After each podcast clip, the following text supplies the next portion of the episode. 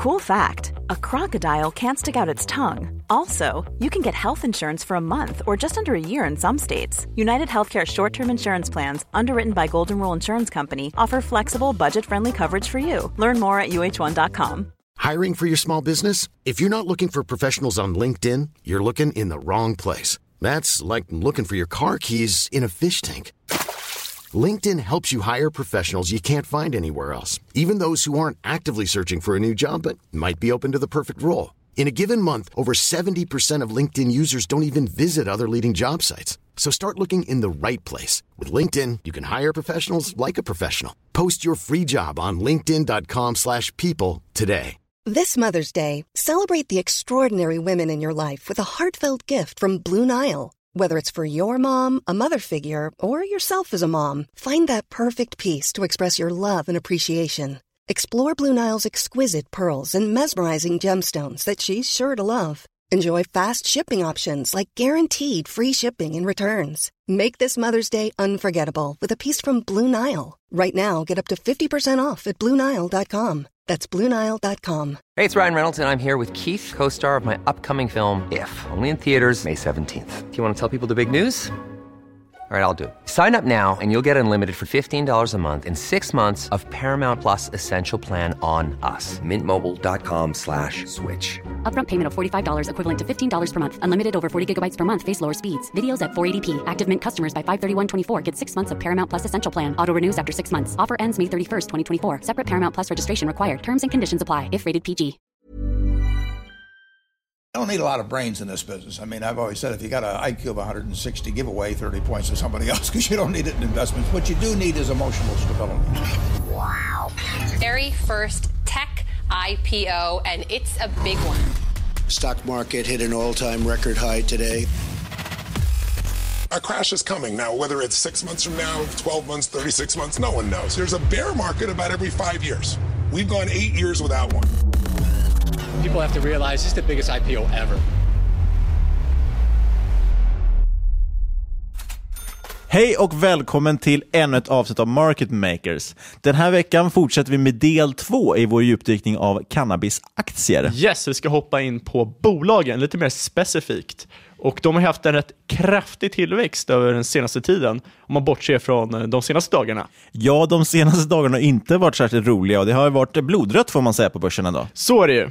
Eh, bland annat sjönk ju Dow Jones sjönk ju 666 punkter om man avrundar i fredags. Och sen vart det värre då, vart det över 1000 punkter igår. Eh, det har ju varit runt, vad var det, 5-6 procent ner stängde det väl igår? Jag kan ju säga att vi spelar in den 6 februari. Ja, exakt. Exakt, och det släpps väl den 8 februari. Så det är lite förlegad information. Då vet väl alla om det. Ja, så är det kanske. Det kanske har vänt, eller så är det totalt kaos nu på Hur ser det ut torsdag. i din portfölj nu? Eh, Grönt? nej, jag har faktiskt raderat hela årets uppgång, så det är lite tråkigt. Ja, men jag med. Så det är svinbra för om det är någon som är irriterad på oss när vi satt och snackade om vår uppgång. Exakt. Men å andra sidan har jag fortfarande slagit index, så jag har alfa. Ja, det är fan sant. Jag har också slagit index år. Yes! Så alfa. det är det som spelar roll. Men som vanligt, vi, vi, har du inte lyssnat på förra avsnittet, gör det först. Det är jättebra. Då pratar vi om marknaden, storleken och det är lite siffror där som, man, som kan vara bra att ha med sig in i det här avsnittet. Men med det sagt så kör vi igång med nyhetssvepet eh, sen drar vi in på avsnittet. Ja, vi, kanske, vi måste väl ta något snabbt. Vi ska inte djupdyka för mycket i det här med att det har sjunkit ganska mycket på börsen för att det kommer bli lite förlegat när vi väl kommer ut med det.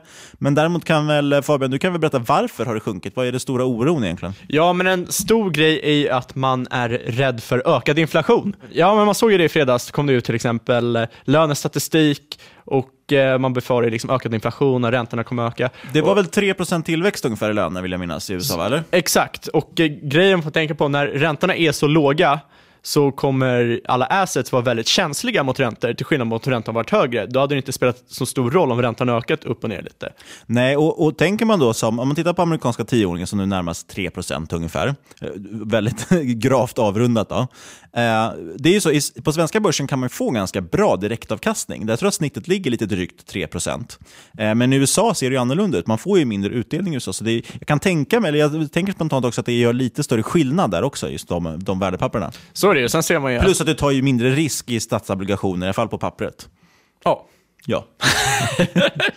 Men så är det ju så också, det, det är intressant i alla fall, det började lite grann det här i fredags. Det, var ju, det är flera av de här till exempel teknikjättarna som har rapporterat. Det är massvis med bolag som har rapporterat, men bland teknikjättarna är vi väldigt intresserade av.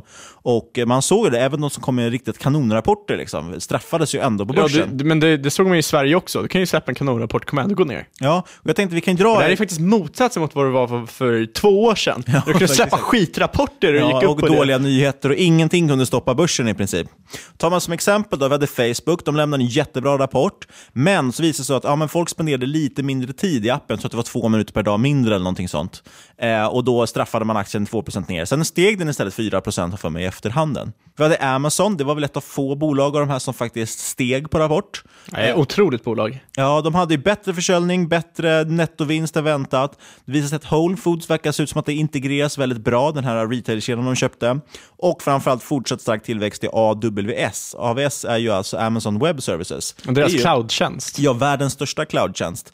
Och dessutom var det lite intressant, man såg, de skrev ganska mycket om Alexa, deras det här hemsystemet de har, den här röstassistenten kan man väl säga, liknande Google Home och sådär, och Apples Siri. Och den visar också fin tillväxt. Och nu, det är lite intressant, det finns massa samma, liksom samarbeten nu, att man kan koppla ihop den med Sonos-högtalare, med Toyota, sin Toyota-bil eller Ford-bil eller sådär. Så det, Ja, det, känns, det kan bli en stor öppen plattform. Men det känns rent allmänt som, det här är purely anekdotiskt, men eh, jag har sett väldigt mycket om Alexa senaste året. Ja, det känns som den, den ser ut att ta en ganska bra position faktiskt. Sen hade vi Alphabet, apropå det, de har ju också en röstassistent, det är ju det senaste hetaste. Eh, de nådde inte förväntningar, så där vart det ju ganska rejält eh, straffat då på börsen. Både resultat... Eh, Ja, de är väl nere 10 prosse på två dagar nu. Ja, så kanske det till och med. Det, det har blivit riktigt illa. Men, men det följer ju också med resten av börsen såklart. Ja, så är det absolut. Eh, så det var lite otur för många av de här bolagen att de prickade in precis det här när de släppte sina Ja, rapporter. Amazon är väl det enda i min eh, portfölj som står i grönt just nu. Ja, det är lite tråkigt. Sen faktiskt Cannabis-aktierna vi ska prata om, de har också visat ganska fina gröna siffror de senaste dagarna. Eh, jag drar några till här bara snabbt när vi ändå är igång. Apple, visar sig, de, de har gått bra. Nettokassa över 160 miljarder dollar nu. Det är helt sjukt. Eh, så man förväntar sig återköp, kanske till och med höjda utdelningar. Det är ju, Trump har ju drivit igenom den den här skattereformen och en stor viktig del av den har ju varit att man ska då kunna ta hem de här pengarna. Alla de här stora teknikjättarna har ju haft mycket pengar, oftast i Irland där de har haft sitt centrum för att det har varit skattemässigt fördelaktigt. Men man kan inte ta hem de här pengarna till USA. Och Det kommer ju tyvärr straffa då europeiska startups framförallt, för det är det man har använt pengarna till. Eh, tar vi Apple då, som jag nämnde som exempel, de köpte ju hela 19 bolag förra året eh, för sin kassa. Så det är ju så att de, de har ju använt pengarna för att investera i bolag där, för att det ger bättre tillväxt än att ta hem pengarna. Ja, och Apple har ju, de har ett P på 16 nu. Ja, det är ganska det är det, bra för, för att vara världens största börsnoterade bolag är det väldigt, väldigt lågt om man jämfört med de andra bolagen som ligger i Verkligen, samma kategori. nu, ja. Ja, men jämför med Amazon, Och- 300 någonting. ja, men Amazon är en klass för sig. Sen var det Microsoft, sista jag ska dra. Eh, de hade också fin rapport. Och då visade att Azure, deras molntjänst, den ligger nu tvåa efter AVS, då, Amazons. Och eh, framförallt var det intäkterna i Azure som ökade med närmare 100 procent. Det är lite galet. Det är helt galet. Och givetvis också stor kassa, eh, antagligen utrymme för nya återköp, kanske extra utdelning, kanske investeringar. Det kommer i alla fall antagligen vara fint att äga det här bolaget framöver, tror jag. Microsoft tror jag så här, om man ser en rejäl börssättning så tror jag att det är ett av de bolagen som kommer vara absolut intressantast. Ja, verkligen. Det, det, är ett, det är ett fint, extremt lönsamt bolag. som Det är bara att tänka på hela Office 365 som de har rullat ut med SharePoint och allting och vet- alla, hela Office-paketet De, de om några har ju det här vallgraven som många investerare vill se. Exakt. Men de blir också lite overlooked när man snackar om FANG-aktier. Exakt. Eh, möjligtvis om man snackar om Fangman, då ingår de ju. Men eh, de är P60 nu och det är rätt högt. Det är lite högt. Men eh, ser vi en sättning på eh, 50% då helt plötsligt börjar det se aptitligt ut. Ja, men de har ganska bra tillväxt. Nah, exakt, och man får ju kolla på jämför med tillväxten. De har ju, som du, har, som du sa, väldigt fin tillväxt. Eh, ytterligare nyheter. Amazon, JP Morgan, investmentbanken och Warren Buffetts Berkshire Hathaway. De har gått ihop och ska tillsammans starta ett bolag där de erbjuder sjukvård till 100 000 tusentals av deras anställda, då, eller amerikanska anställda ska nämnas, och deras familjer. Alltså så här, vilken bransch är inte Amazon inne i just nu? Jag vet inte. Nej, så att, sjukt intressant om man äger Amazon, det man då borde vara rädd för är att de kommer åka på någon regulation snart för att de går in i så många olika industrier. Sen tror jag i och för sig, det som en, en stor del av det här, det är ju kanske inte så mycket aktieägarvärde man skapar på det här, utan det är snarare anställda värde. Ja. Eller så så det, det kommer ju vara någonting att erbjuda för deras anställda. För det, fokus ska ligga då i att tekniklösningen kunna erbjuda transparent, lättförstådd och prisvärd sjukvård enligt dem själva. Då. Sen pratar man ju USA, det här är lite tråkigare nyheter faktiskt. Eh, I USA pratar man om att skära ner anslagen till forskning om förnyelsebar energi. Eh, det är något som kanske inte skulle bli så roligt för Tesla och sådär. Drygt 70 procent av den här finansieringen ska tas bort. Det är rätt extremt. Eh, det skulle bland annat slå mot forskning om solenergi, energieffektiva fordon, biogas, elbilar. Alla vet att kol är framtiden, så Alla vet vad är problemet? Det är ändå lite intressant om man tar Tesla till exempel. För jag har för mig att ungefär 30 procent av eltillverkningen i USA görs på kol, att man bränner kol. Mm. Det betyder alltså att en Tesla rör, då ungefär går på ungefär 30 procent kol. Och det är ju sämre än en bi- bensinbil i dagsläget. Jag ska gå på Om man, 0% vill, om man vill dra en sån, en sån liknelse. Eh, ja, men det är faktiskt synd. Och framförallt är det intressant om man då sätter det här i perspektiv. Att USA, då, som har varit världens motor och världens största ekonomi och så vidare, helt plötsligt tappar det här fokuset på framtiden, om man får säga så. Medan Kina, där man istället, förut har det varit fokus på tillväxt. Nu senaste stora partikongress som man hade i Kina, så var det väldigt tydligt att man skiftade det fokuset mot grön energi, bland annat. Eller att det ska vara hållbart. Ja, men det är väl alla fordon 2030 ska vara eldrivna. Ja, exakt. Så det, det känns som Kina håller på att ta över den här, den Så här vill du gå lång ett elbilbolag, ska du inte gå lång Tesla, då ska du kanske ta eh, Geely eller eh, BYD, som Berkshire Hathaway har en stek i. Så fick vi ihop det också. Ja, kul. De har också en stek i Apple. Kan man få ihop det där? ja, det har även Schweiz nationalbank. Ja, största ägaren. Sen H&M, det har ju varit eh, lite svängigt. De hade ju sin rapport. Vi gjorde ju ett helt avsnitt om H&M och eh, hade lite tankar och framförallt ett av de stora frågetecknen vi lyfte var ju utdelningen. Och vi trodde ju att, att utdelningen skulle sänkas, alternativt att de skulle behöva låna till den, för de lånar ut Ja, de drog in den, typ. Ja, ja precis. Det, det, har, det, här det var intressant när rapporten kom, för att då var det en ganska positiv liksom, eh, reaktionen, då, tyckte jag. Eh, för, alltså, vi, vi börjar från början. Det de använder är något som man kallar för DRIP, heter det i USA. Och Det är ju i princip att istället för utdelning så kan man välja att ta aktier. Och, men vanligtvis när det görs, då är det ju aktier som redan finns. Antagligen kanske återköpta aktier och så, som man ger ut. Eh, men det H&M gör är ju en form av förtäckt nyemission, vad jag kallar det. För att man trycker ju nya aktier, det är nyemitterade aktier som ska ges ut. Alltså späder du ut aktieägarna. Om du inte väljer de här nya aktierna, då blir du utspädd. Så tekniskt sett har du bara blivit av med din utdelning. Och det är helt rimligt, för att Stefan Persson han tar ju alltid sin utdelning och återinvesterar. Och nu gör han i princip det ändå. Så det var, ju, det var ett smart sätt, så de får in nya pengar i kassan, de slipper dra utgifter och ändå ser det ut som att de bibehåller utdelningen. För det kommer fortfarande, om du går in och kollar på nyckeltal, så kommer det se ut som att de har väldigt bra direktavkastning.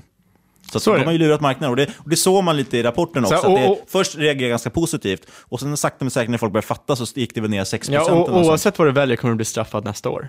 Ja, och det är ju så. Det, det, det är lite sjukt. Deras kassa sjunker, deras skuld ökar och andelen fritt kassaflöde som de delar ut är enorm. Den är ju långt över 100%. Boeing Horizon X Ventures har tagit en minoritetspost i startupen Qberg. Och de ska alltså utveckla batterier för elflygplan. Därför att i dagsläget är batterierna för elflygplan för tunga för att användas i någon kommersiella flygplan. Och det vill ju Cuberg lösa. Och eh, det är ju sjukt häftigt. Ja, det hade varit coolt faktiskt med eldrivna flygplan. Framförallt undrar man hur mycket det skulle låta då man bor i en flygplats. Det kan ju vara väldigt positivt för de som har lägenheter det är till väldigt, exempel väldigt intressant. flygplats. Då kan man ju bo väldigt mycket tätare in på flygplatsen. Ja, för det Också säger- ja. eldrivet och eh, flygplanen är i stort sett eh, automatiserade nu för tiden. Ja, exakt. Så att du skulle kunna ta bort det. Och, men framförallt blir det också kanske då förhoppningsvis miljövänligt beroende på hur miljövänligt det är att tillverka så stora batterier om det nu till exempel litium. Alltså eller- Miljöpartiet kan äntligen åka flyg. Ja, men det gör de i alla fall. det är det vi har sett. Eh, sen är det också Volkswagen, Daimler, BMW. De har ju nu med ett, ett gäng andra tyska biltillverkare ställs, ställs nu inför rätta inför den tyska regeringen. Det är så här, har, har du sett Netflix-dokumentären Dirty Money, Fabian? Nej, jag gillar bara clean money.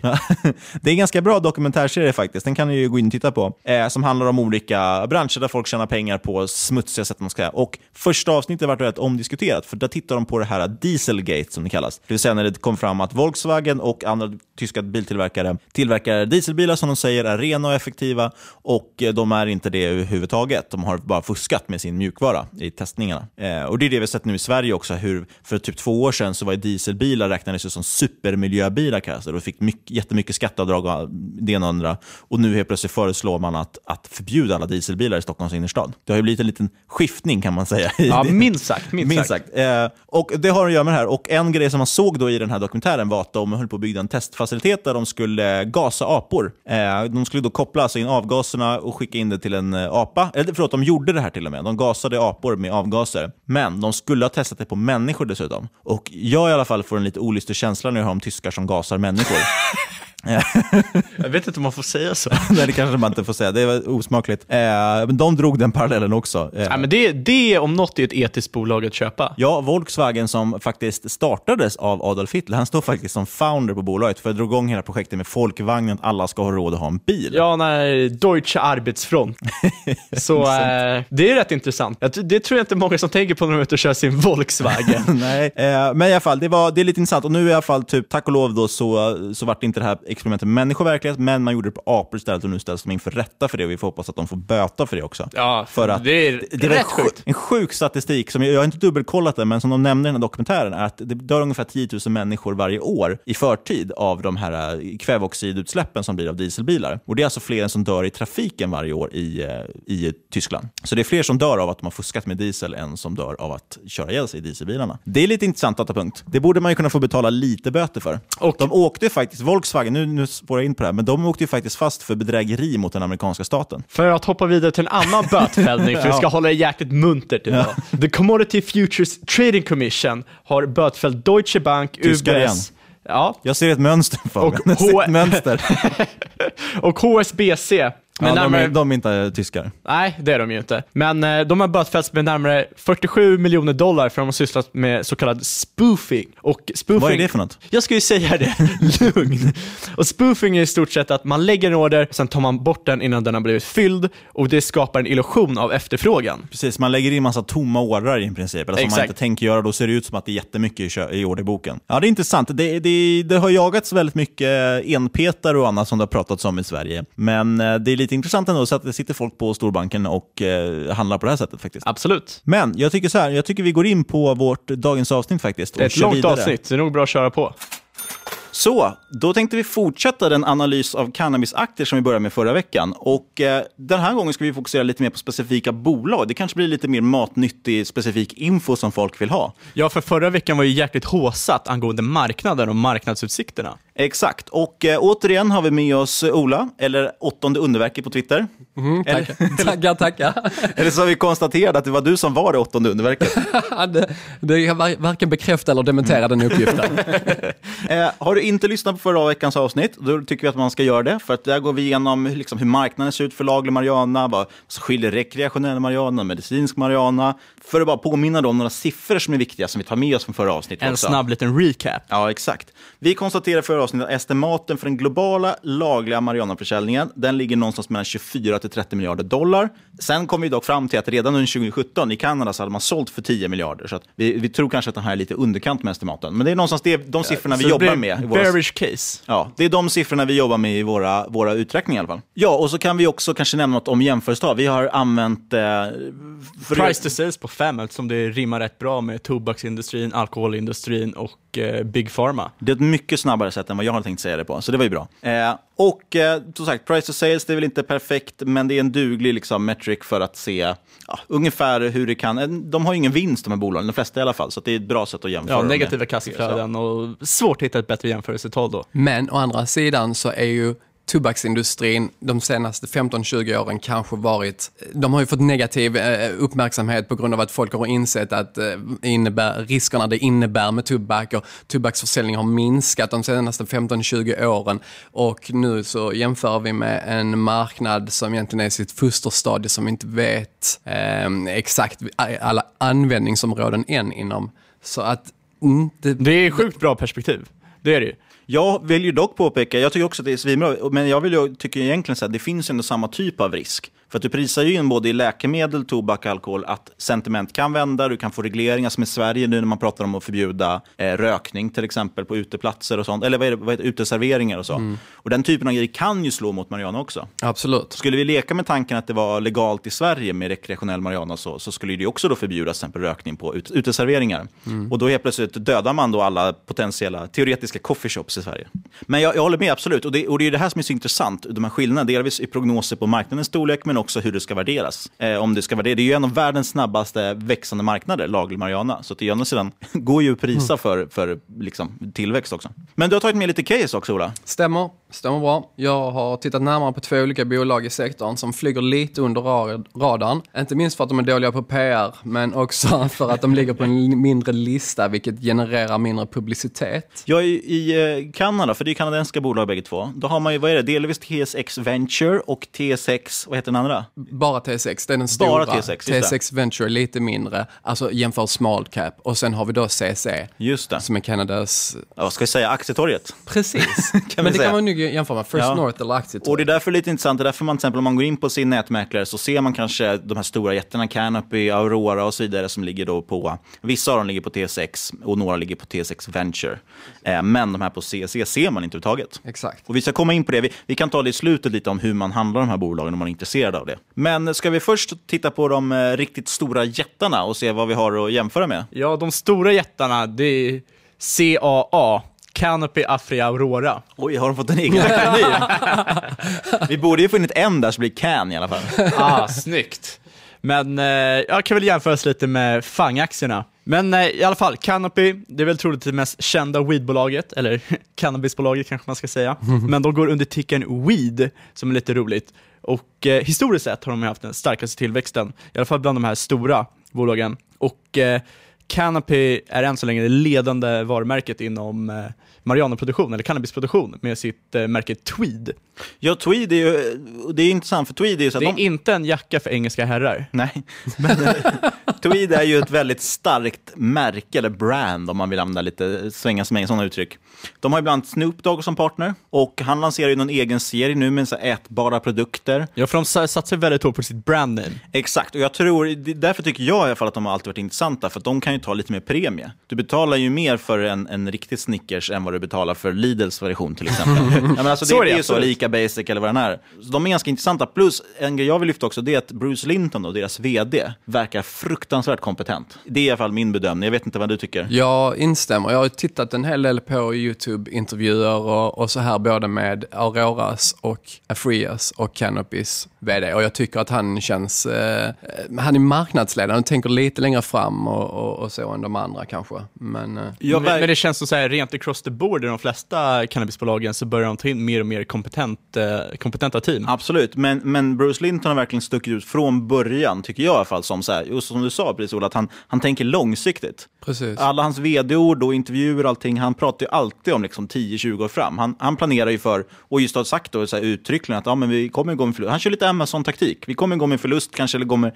inte tjäna så mycket pengar, liksom, men vi planerar för det här världsherraväldet i princip. Sen kanske han misslyckas, det vet jag inte, men jag har alltid gillat det bolaget på grund, väldigt mycket på grund av honom också. Ja, men eh, det märks lite i deras portfölj att de eh, satsar på det här världsherraväldet. För de äger liksom flera stycken bolag och är igång med att köpa upp bolag och bredda över hela världen. De eh, håller inte bara på med, med rekreationell marijuana, utan de har även två bolag i portföljen som håller på med medicinsk marijuana. Och det gör ju att det här, alltså Canopy blir någon typ av hybridbolag mellan rekreationell och medicinsk. För det är många bolag som bara håller på med, med medicinska. Ja, vi, vi nämnde ju förra avsnittet nämnde till exempel eh, GV Pharmaceutical. som de gör ju liksom verkligen, det är ju ett medicinbolag, det är ju det de gör. Sen har de mediciner som innehåller olika former av cannabi, cannabinoider och så. Eh, Canopy har ju kört på det, här. de säljer ju liksom det man kallar för medical grade cannabis, så ska ju det vara väldigt ren liksom, cannabis. Men den säljs ju för att rökas ofta, eller konsumeras på något sätt, liksom, men under en medicinsk stämpel. Ja, och sen eh, förutom Canopy så har vi Aurora och Afria, varav båda satsar väldigt, väldigt mycket på den medicinska sektorn. Och eh, Aurora, det har nog många som lyssnar på den här podden hört talas om innan, för det är ju småspararnas favoritaktie i Sverige. Och i alla fall på Avanza är det den mest ägda internationella aktien, vilket är jäkligt intressant. Ja, och Aurora tycker jag i alla fall känns som att det har dragit iväg det, det känns verkligen som en av de här bolagen som har dragit iväg utan att folk har någon hänsyn till värderingar. För Canopy, i alla fall för mig, har alltid känts tydligt att så, att Canopy kommer bli en av de stora världsledarna. Både Canopy och Aurora och nu bara häromdagen, eller häromveckan, så gick ju Afri ut med att de skulle köpa ett bolag också. Det har ju varit mycket sån ma aktivitet att man köper upp mycket mindre bolag. Eh, men Aurora känns verkligen som en av de här som har rusat iväg och jag har i alla fall inte riktigt sett vad, vad är det som gör dem så himla unika eller så himla bra liksom, på något sätt. Nej, men mycket, mycket av rusningen har väl varit eh, just för att de har haft mycket ma aktivitet Ja, men de har gjort det med egna aktier ofta, så man egentligen bara späder ut liksom, aktievärdet. Så du, du tjänar inte så mycket som aktieägare, tycker jag i alla fall. Precis, det är också min åsikt. Det, år, det året så är det en, som ni sa, väldigt populär aktie Aurora bland småsparare. Men, men det tycks också vara de som är minst pålästa som är störst antal ägare. Eh, just så att man inte har riktig koll på värdering och utspädningen av aktien och så vidare. Och det kan väl lite synas i det att den har flest ägare nu på Avanza till exempel, som vi nämnde. I att det är väl väldigt många som har köpt den just för att den har gått upp så mycket. Och då blir det liksom en ett självuppfyllande, ändamål, eller självuppfyllande liksom profetia. Att man, den har gått upp mest och då är det flest som köper den och då stiger den ytterligare. Så har, liksom, har man trott att de har gjort en bra investering. Men de kommer säkert också bli en av de stora. Det känns ju som att Canopy och Aurora, framförallt det är de två stora lysande stjärnorna. Liksom. Sen vågar jag påstå att Canopy är i alla fall lite mer rimligt värderat, även om den är ganska dyr också, vilket vi kommer komma fram till. Ja, sen har, sen har Afred, de är relativt eh, liknande Aurora. De ska vara lite billigare variant och det märker man också på deras produktionskostnader som är, som är lä Ja, de är lägst i branschen. Mm. Eh, det kanske finns någon i och för sig liten uppstickare, men av de stora så har de, de stora tre ja. är det definitivt, då, absolut. Men då har man ju Canopy som har högst produktionskostnad, Aurora i mitten och Afria har lägst. Ja. Det kommer antagligen reflekteras i priserna. Ja, och det har man ju Mom deserves the best, and there's no better place to shop for Mother's Day than Whole Foods Market. They're your destination for unbeatable savings, from premium gifts to show-stopping flowers and irresistible desserts. Start by saving 33% with Prime on all body care and candles. Then get a 15-stem bunch of tulips for just $9.99 each with Prime. Round out Mom's menu with festive rosé, irresistible berry chantilly cake, and more special treats. Come celebrate Mother's Day at Whole Foods Market. Ready to pop the question? The jewelers at BlueNile.com have got sparkle down to a science with beautiful lab grown diamonds worthy of your most brilliant moments. Their lab grown diamonds are independently graded and guaranteed identical to natural diamonds, and they're ready to ship to your door. Go to Bluenile.com and use promo code LISTEN to get $50 off your purchase of $500 or more. That's code LISTEN at Bluenile.com for $50 off. Bluenile.com code LISTEN. Hey, I'm Ryan Reynolds. At Mint Mobile, we like to do the opposite of what Big Wireless does. They charge you a lot, we charge you a little. So naturally, when they announced they'd be raising their prices due to inflation, we decided to deflate our prices due to not hating you. That's right. We're cutting the price of Mint Unlimited from $30 a month to just $15 a month. Give it a try at mintmobile.com slash switch. $45 upfront for three months plus taxes and fees. Promo for new customers for limited time. Unlimited more than 40 gigabytes per month. Slows. Full terms at mintmobile.com. Everyone knows therapy is great for solving problems. But getting therapy has its own problems too. Like finding the right therapist, fitting into their schedule, and of course, the cost. Well, BetterHelp can solve those problems. It's totally online and built around your schedule. It's surprisingly affordable too. Connect with a credentialed therapist by phone, video, or online chat, all from the comfort of your home. Visit betterhelp.com to learn more and save 10% on your first month. That's BetterHelp H E L P.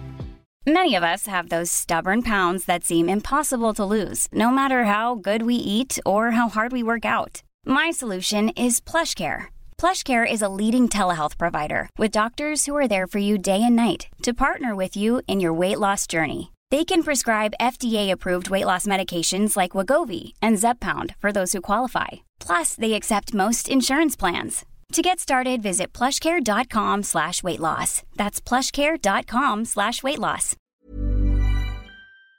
Sett med Afria, de har ju hela tiden hållit väldigt, väldigt låga kostnader, eh, vilket också gjort att det är ett av få bolag som faktiskt går plus varje år. Så det är ett av få bolag där faktiskt kan titta på ett P tal Sen är det P talet var, var 118 eller något sånt Precis. idag, men de har ändå, för de tjänar ju pengar i alla fall och det finns ingen risk liksom, för nya emissioner eller sånt. Ja, också Aurora och Afria, de har inte bara röka-röka, de har ju cannabisoljor i form av kapslar, de har orala lösningar, de har sprutflaskor, eh, vaporizers, vet jag inte hur man översätter det på svenska. Vaporizer blivit väldigt populärt. Det är ju samma typ av teknik som används till e-cigaretter också som har blivit populärt i Sverige. Och det är ju egentligen att man förångar Det är det som vapor är ju en ånga. Just det, för att du bränner det på en lägre temperatur. Eller hur är det? Ja, eller framförallt så eldar du inte rakt på. Du eldar på ett glas till exempel, så den förångas inuti av, väldigt hög temperatur. Men sen kommer vi in på de här dina case, Ola. American. Precis. Det låter ju som att det skulle vara American. Mm, det är det inte. Det är kanadensiskt.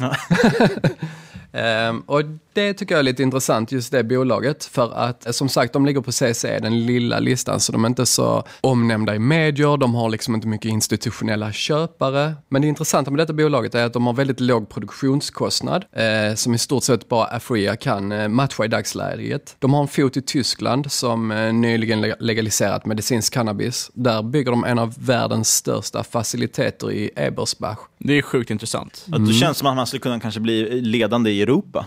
Precis. Och det tror jag är väldigt stort. De snackar ju om att eh, vdn där, Ben Ward, har estimerat att de kan sälja 4 kilo bara i Tyskland under 2018. Start 4 000 februari. kilo. 4 000 kilo, alltså 4 ton. Och de har fått, eh, American alltså, har fått, nyligen fått licens för att sälja gelkapslar. Eh, de har globala patent. Eh, de har något som de kallar Vesisorb Technology som ökar tillgängligheten eh, i BCD från 5% till 60%. Så eh, bara för att liksom sätta det i tydliga termer, det är alltså egentligen den här eh, oljan då som man kan få, eller en av de här cannabinoiderna som är framförallt medicinskt syfte, att man tar upp den bättre. egentligen. Precis. Så det behöver vara mindre av produkten. Exakt, och bättre effekt. Så de har alltså, de breddar sig till nya marknader och de har egna produkter. Skiljer dem från de andra företagen. Korrekt, de är bättre koncentrerade eller vad man ska säga. Och det kan ge någon typ av eh, Bättre marginaler advantage. framförallt. Precis, bättre marginaler också.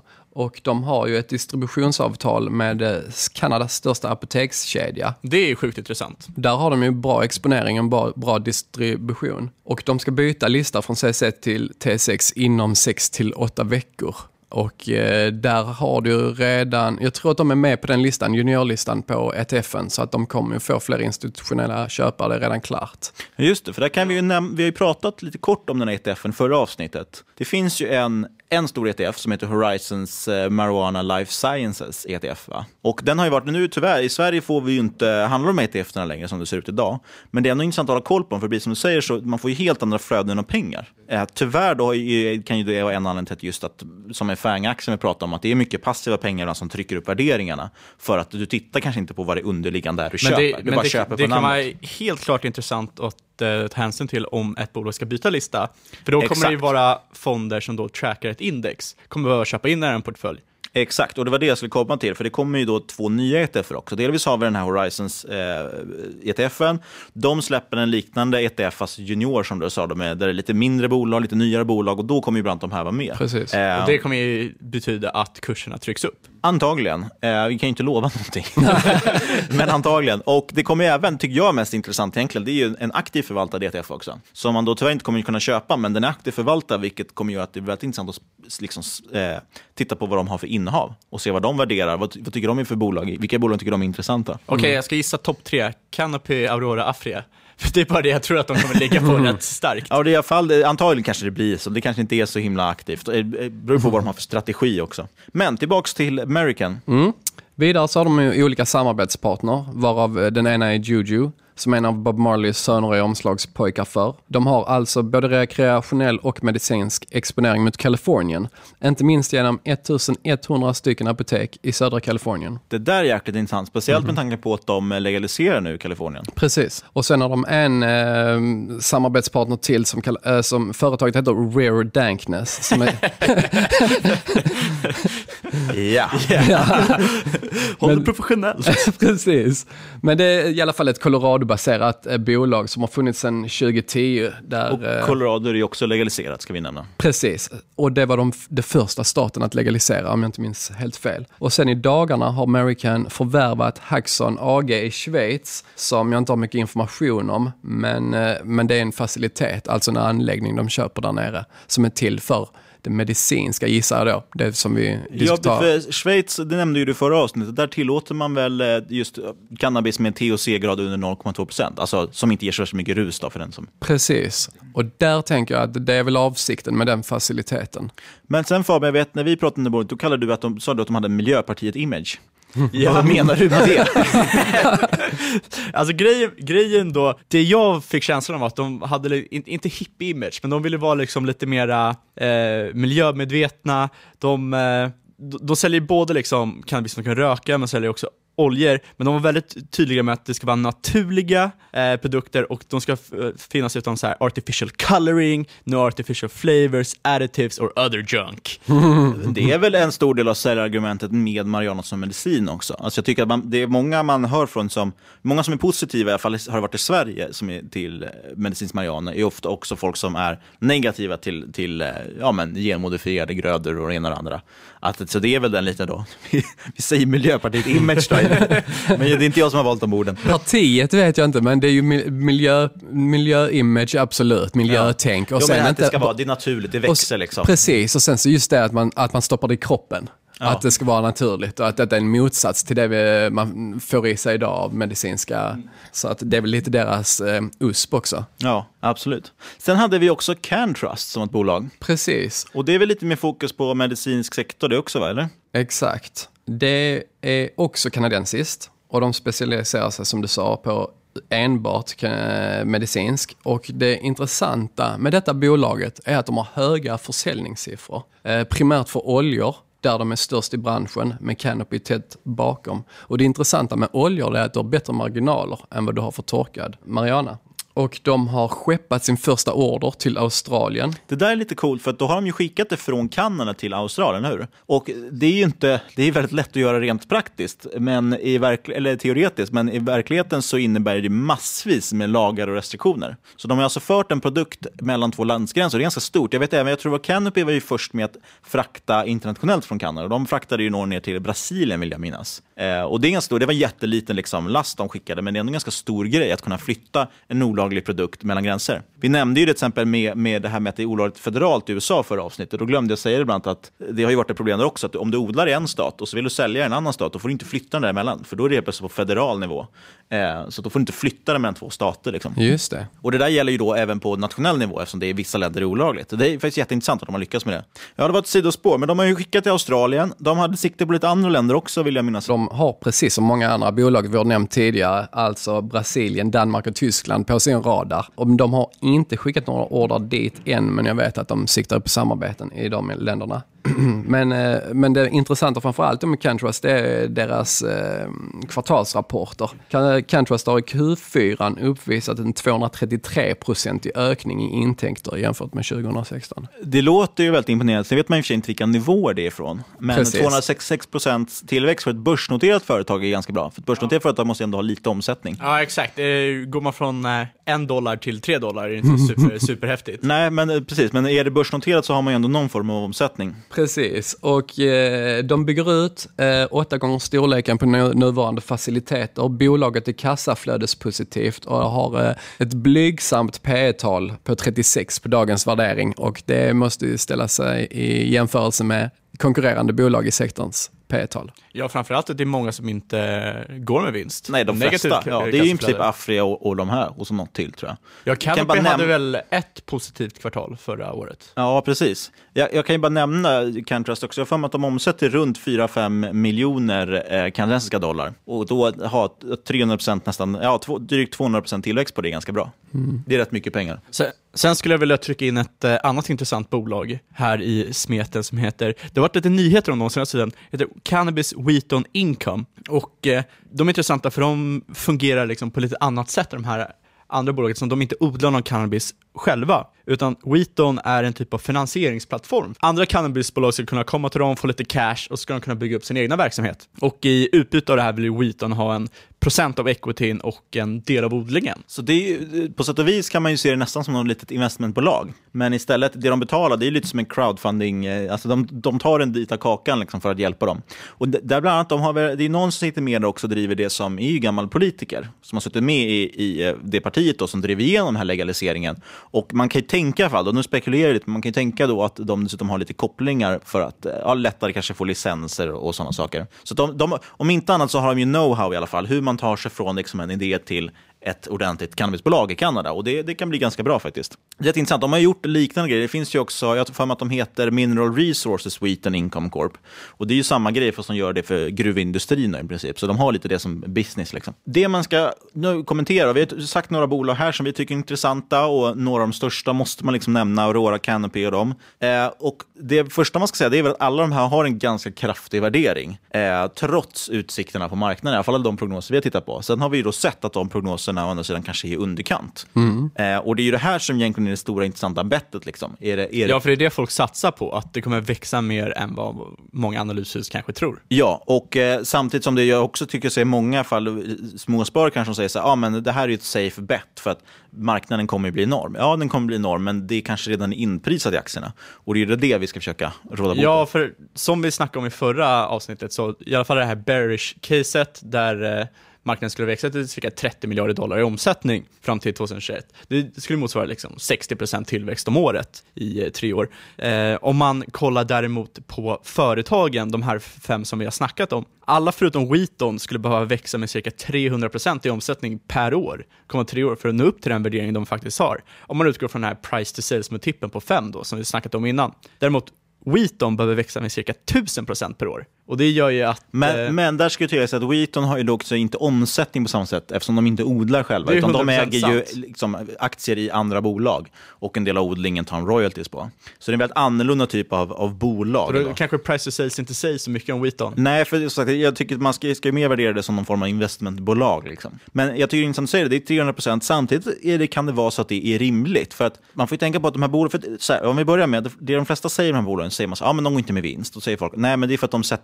de spenderar så mycket pengar på att utöka sin produktionskapacitet. Och det är helt korrekt, det är därför de har höga kostnader och därför de går back. Men omsättningen är ändå, då tittar vi ju bara på försäljningen av cannabis. Och den ska då öka med 300 procent och det låter ju jättemycket. Men för att vara liksom lite, lite positiv eller optimistisk då, så är det ju så att många av bolagen har inte ens nått upp till den produktionskapacitet de vill ha. Precis, Så de bygger ju fortfarande sina faciliteter. De är ju inte där än med, med att kunna uppnå efterfrågan som krävs. Exakt, så att när man säger så att 300%, man ska växa med 300% per år i försäljning, ja då låter det ju som att ja, de sitter nu med massa stora lager Mm. eh, med cannabis som bara ligger och blir mögligt. Liksom. Eh, och det är det de måste då kunna öka försäljningen, men det är egentligen också kunna möta efterfrågan. Några av de här bolagen säljer i princip allt de tillverkar, men hinner inte med att möta efterfrågan. Precis, och det är det stora problemet 2018, kanske till och med en bit in i 2019, att de inte har tillräckligt att sälja för att eh, ha det aktievärdet som de har. Och sen så tycker jag också att det fortfarande är känsligt politiskt. Alltså,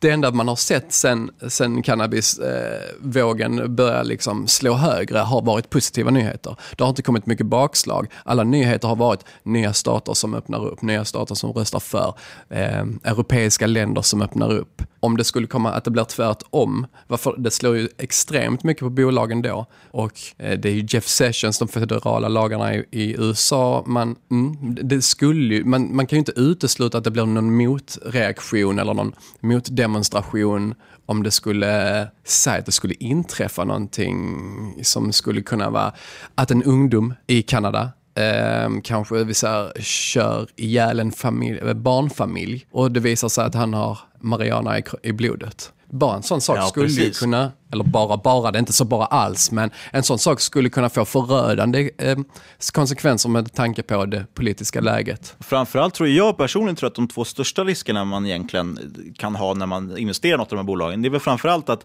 många av dem satsar ju hårt, exempel som jag sa i Europa, där det kan visa sig att, ah, okay, men det typ, vi, vi nämnde ju förra avsnittet Aurora som har Aurora Nordic. De ska producera cannabis i Danmark och försöka sälja i Norden. Och då räknar de kanske med till exempel Sverige ska börja tillåta i cannabis. Och jag tror inte att det finns på kartan inom väldigt många år. Nej, jag här, tror att, de kanske eh, underskattar ibland, eller över, snarare överskattar snabbheten eller hastigheten den här Precis. förändringen ska ske. Så att marknaden de tror satsar på kanske inte kommer finnas. Precis, för än så länge så har det gått så himla fort. Kollar man på när bolagen är grundade så är det 2014, 15, 16. De har inte många år på nacken så de har inte, mot, de har inte upplevt eh, motgångar än. Nej, precis. och den andra risken jag skulle nämna det är också att jag tror att några av de här kanske inte kommer lyckas särskilt bra med återförsäljningen. Några kanske bygger enorma faciliteter och får värsta produktionskapaciteten den dagen det blir legaliserat. Men så är det ingen som vill köpa deras märken för alla vill ha Snoop Dogs gräs liksom, eller någonting. Det tror jag också är en av de riskerna man tar. Sen, sen, sen vill jag lägga in två saker som jag tror att liksom väldigt, väldigt få faktiskt kollar på. Och det första är, vad kostar det att eh, faktiskt tillverka ett gram? För att produktionskostnaden eh, att tillverka cannabisen är den enskilt största kostnaden för de här företagen. Och då har du ett företag som har en kostnadsfördel så skulle det automatiskt innebära en liksom, kompetitiv fördel mot konkurrensen. Men det är inte alla bolag som då redovisar det här kostprogram. Eh, du har i stort sett Canopy, Aurora, de större som redovisar det här.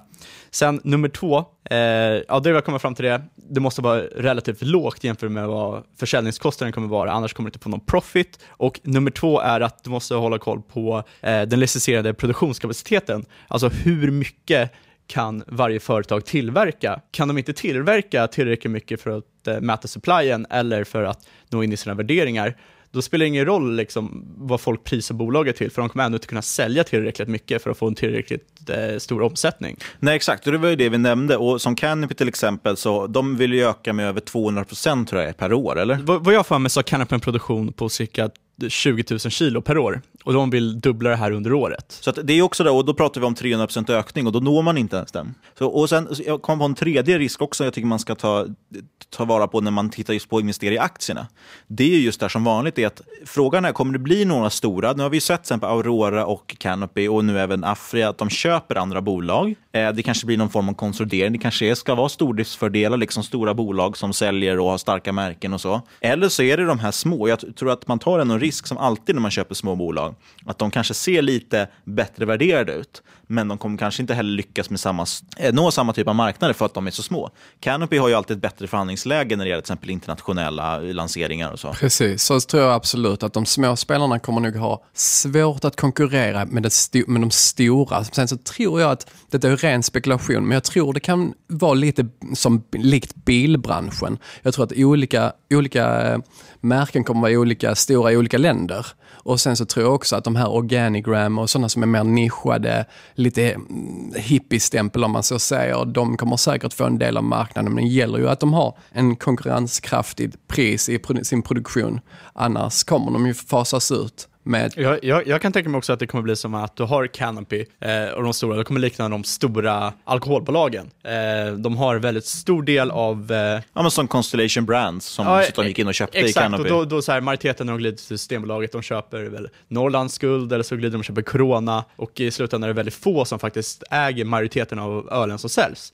Men så tror jag att det kan bli liksom som en så här grej som har hänt i USA, där man håller på mycket med microbreweries. Det kommer in många små eh, växare av cannabis som gör väldigt liksom, lokalt odlad liksom, cannabis som blir väldigt populärt inom en eh, begränsad eh, population. Ja, och ett scenario skulle ju också vara att det är några som blir riktigt bra på odling och lyckas få ner kostnaden. Till exempel Afria skulle kunna vara en sån som kanske bara blir någon form av grossist som säljer vidare då till små coffeeshops och eh, vad det nu kan vara från, men det är andra bolag liksom som säljer vidare. Men jag måste bara, just det jag sa i alla fall med att små bolagen tar man ju oftast en högre risk. Samtidigt tar man en hög risk när man köper några av de större bolagen just för att där är det många som inte ens tänker på värderingen. Som Aurora som nämndes, som verkligen stuckit iväg. Och som man, jag tycker man börjar se det lite också. Jag har sett några i alla fall analyser nu som har börjat liksom säga att ah, men Aurora ska du nog inte köpa. Det kan vara ett bra bolag att vikta ner på, liksom, för det, det, det är verkligen överrisat. Men om man nu är intresserad av att köpa de här bolagen. Vi nämnde ju, i, det är ju framförallt Kanada som är, gäller. Det är ju några bolag, jag vet de här GV Pharmaceuticals, de är ju från London, finns noterade där, men de är också spegellistade då i USA.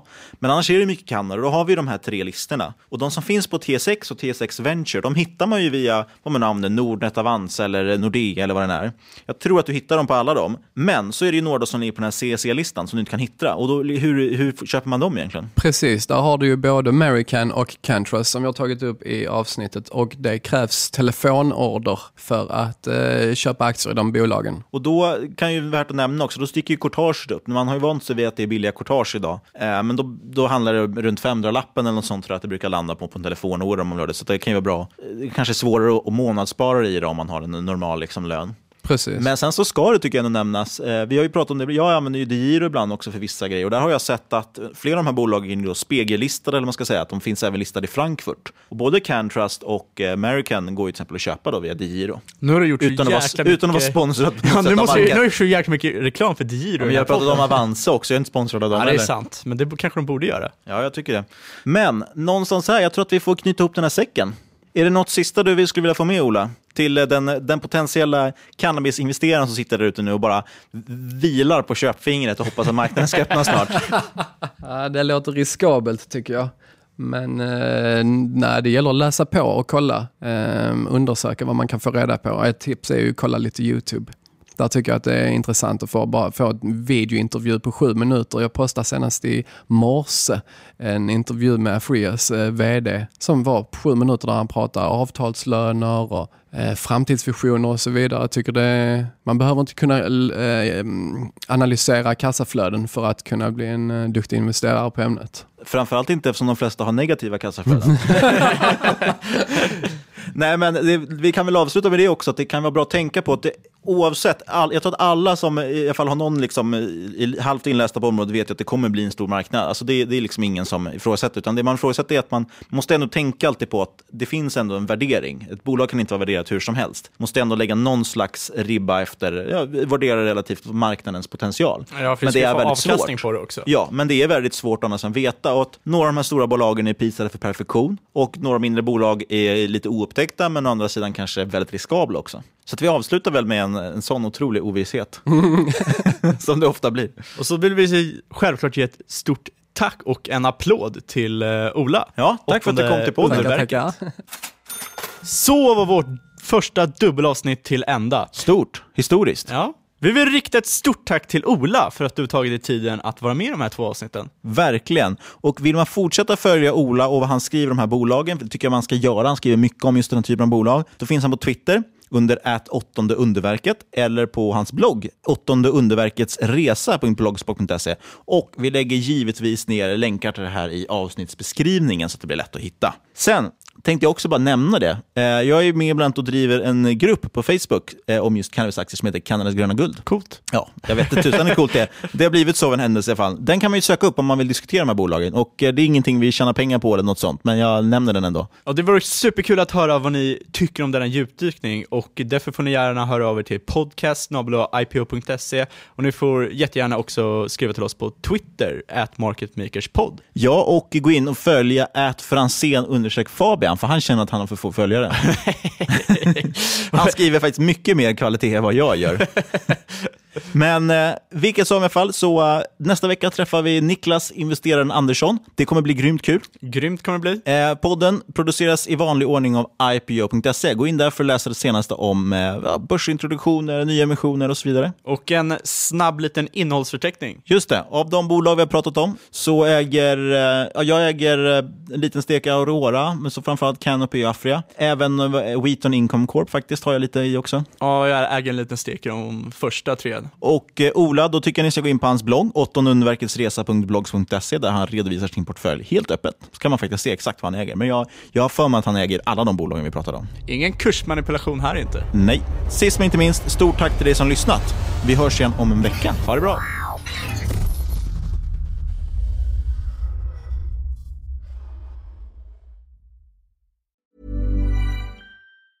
Planning for your next trip?